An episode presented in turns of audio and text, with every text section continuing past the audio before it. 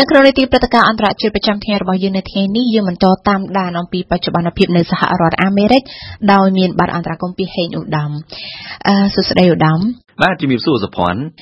ឧត្តមនៅក្នុងអង្គសភាកាលពីយប់មិញនឹងលោកប្រធានាធិបតីត្រាំបានថ្លែងសារទៅកាន់ប្រជាជាតិពីការរីកចម្រើនសេដ្ឋកិច្ចហើយនិងការជឿនលឿនរបស់អាមេរិក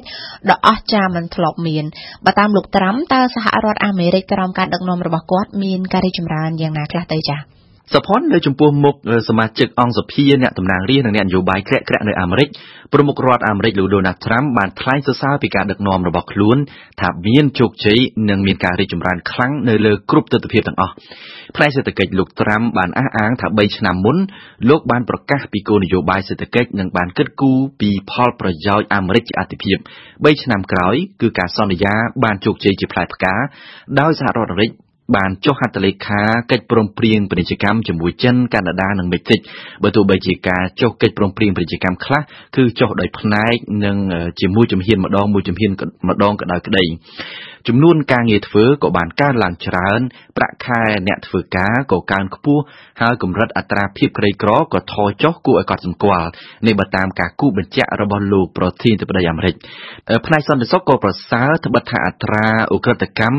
និងបទល្មើសនៅក្នុងស្រុកក៏ថយចុះរីឯវិស័យយោធាវិញមានការរីកចម្រើនខ្លាំងបើតាមលោកដូណាល់ត្រាំគឺជឿនលឿនខ្លាំងសម្បើមមែនទែនចំពោះផ្នែកសន្តិសុខទៀតសោតតាមព្រំដែនក៏មានសុវត្ថិភាពល្អពីព្រោះថាលោកបានសន្យាសម្រាប់សាងសង់ជញ្ជាំងបិទគប់កុំឲ្យមានក្រុមជនភៀសខ្លួនហូរចូលតាមច្រកព្រំដែនប្រទេសមេក្សិកមកក្នុងទឹកដីរបស់អាមេរិកនេះបើតាមប្រសាសន៍របស់លោកប្រធានាធិបតីអាមេរិកដូណាល់ត្រាំចាបើទោះបីជាលោកដូណាល់ត្រាំមានប្រសាសន៍យ៉ាងនេះក្តីក៏អ្នកតំណាងបក ប្រឆាំងយល់ឃើញថាសុទ្ធសឹងតែជាការកុហកហើយមានសមាជិកសភាខ្លះនឹងមិនព្រមទះដៃអបអសាទរហើយថែមទាំងបដិសេធមិនព្រមជួលប្រជុំដាប់ការថ្លែងសន្ទរកថារបស់លោកទៀតផងតើហេតុអ្វីបានជាដូច្នេះចា៎ បាទសម្ព័ន្ធចំពោះសមាជិកសភាមកពីគណៈបកប្រជាធិបតេយ្យដែលយល់ព្រមចូលស្ដាប់នៅក្នុងអង្គសភាពីយប់មិញនេះគឺគេមានឃើញថាមានចំនួនច្រើនមិនបានទះដៃសាទរឬពេលខ្លះមិនបានក្រោកឈរស្រែកហូដោយសមាជិកសភាមកពីគណៈបកសាធារណរដ្ឋរបស់លោកដូណាល់ត្រាំនោះទេនេះជាការកត់សម្គាល់មួយមួយវិញទៀតគឺមានសមាជិកសភារបស់គណៈបកប្រឆាំងច្រើនដែរដែលមិនបានចូលរួមស្ដាប់លោកត្រាំនោះមានជាអាចលោកស្រី Alexandra Ocasio Ocasio-Cortez ដែលជាអ្នកតំណាងរាស្ត្រវ័យក្មេងជាងគេរបស់គណៈបកប្រជាធិបតេយ្យបើតាមអ្នកតំណាងរាស្ត្ររូបនេះគឺសន្ទរកថារបស់លោក Donald Trump គឺជាការកុហកបោកប្រាស់សុទ្ធសាធថែមពីនេះលោកស្រី Alexandra Ocasio-Cortez បានចាត់ទុកថាលោក Donald Trump កំពុងតែកាន់អំណាចដោយមិនស្របច្បាប់នោះទេពីព្រោះតែលោកបានរំលោភអំណាចបើទោះបីជាយ៉ាងនេះក៏ដោយលោក Donald Trump បានអះអាងថាលោកគឺជាអ្នកនយោបាយដែលគោរពកិច្ចសន្យារបស់ខ្លួនខ្លួនសម្បើមណាស់ហើយបើតាមការស្ទង់មតិចុងក្រោយសុភ័ណ្ឌរបស់វិទ្យាស្ថាន Gallup គឺបញ្ជាក់ថាលោក Donald Trump នឹងមានប្រជាប្រិយភាពខ្លាំងដល់ទៅ49%នៃមតិរបស់ប្រជាពលរដ្ឋដែលស្រឡាញ់ចូលចិត្តបើតាមវិទ្យាស្ថានដដែលនេះចំនួននេះគឺវាច្រើនមិនធ្លាប់មានទេសម្រាប់លោក Donald Trump អឺទោះជាយ៉ាងណាឧត្តមជាការកាត់សម្គាល់នៅក្នុង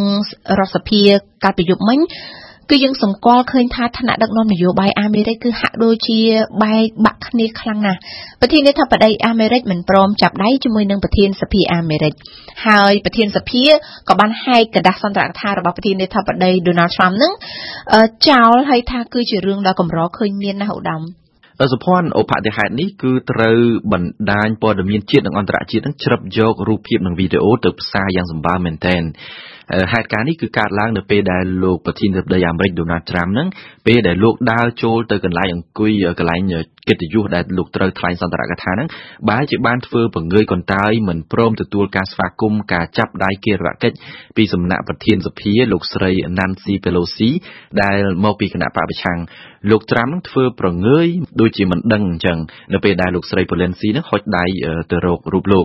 ភ្លាមភ្លាមជាការសងសឹកលោកស្រីប្រធានសភានឹងក៏ហែកសន្ទរកថារបស់លោកប្រធានធិបតីទាំងដែលដឹងថាកំពុងតែមានគេថតផ្សាយផ្ទាល់ទៀតផងបន្ទាប់មកលោកស្រី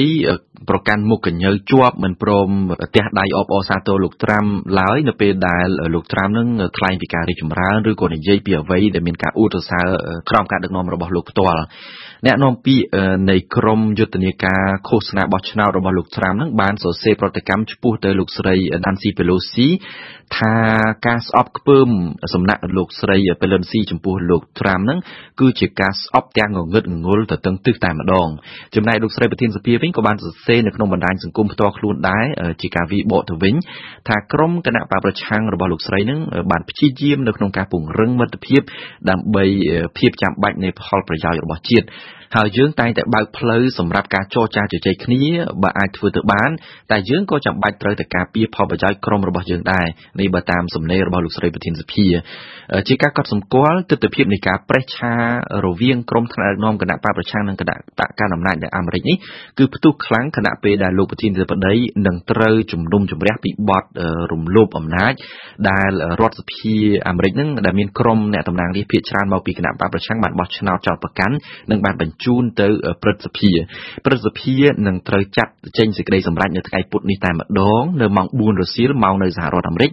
គឺស្មើនឹងប្រហែលជាម៉ោង4ភ្លឺនៅស្រុកខ្មែរយើងដូច្នេះនាប្រលប់នេះយើងនៅមិនទាន់មានសេចក្តីសម្រេចយ៉ាងណាដើម្បីអាចជម្រាបប្រាប់អ្នកស្ដាប់បានទេតែទោះបីយ៉ាងណាក៏ដោយដោយវត្ថុបារាំងយើងធ្លាប់បានផ្សាយនិងវិភាគជាច្រើនលើកញឹកញយមកហើយថានៅក្នុងដំណាក់កាលព្រឹទ្ធសភានេះលោក Donald Trump ទំនងជាអាចនឹងឈ្នះក្តីពីព្រោះថាព្រឹទ្ធសភាមានសម្លេងភាគច្រើនមកពីគណៈបក្សសាធារណរដ្ឋដែលគ្រប់គ្រងលោក Donald Trump អរគុណឧត្តមចំពោះបទអន្តរាគមន៍នៅថ្ងៃនេះ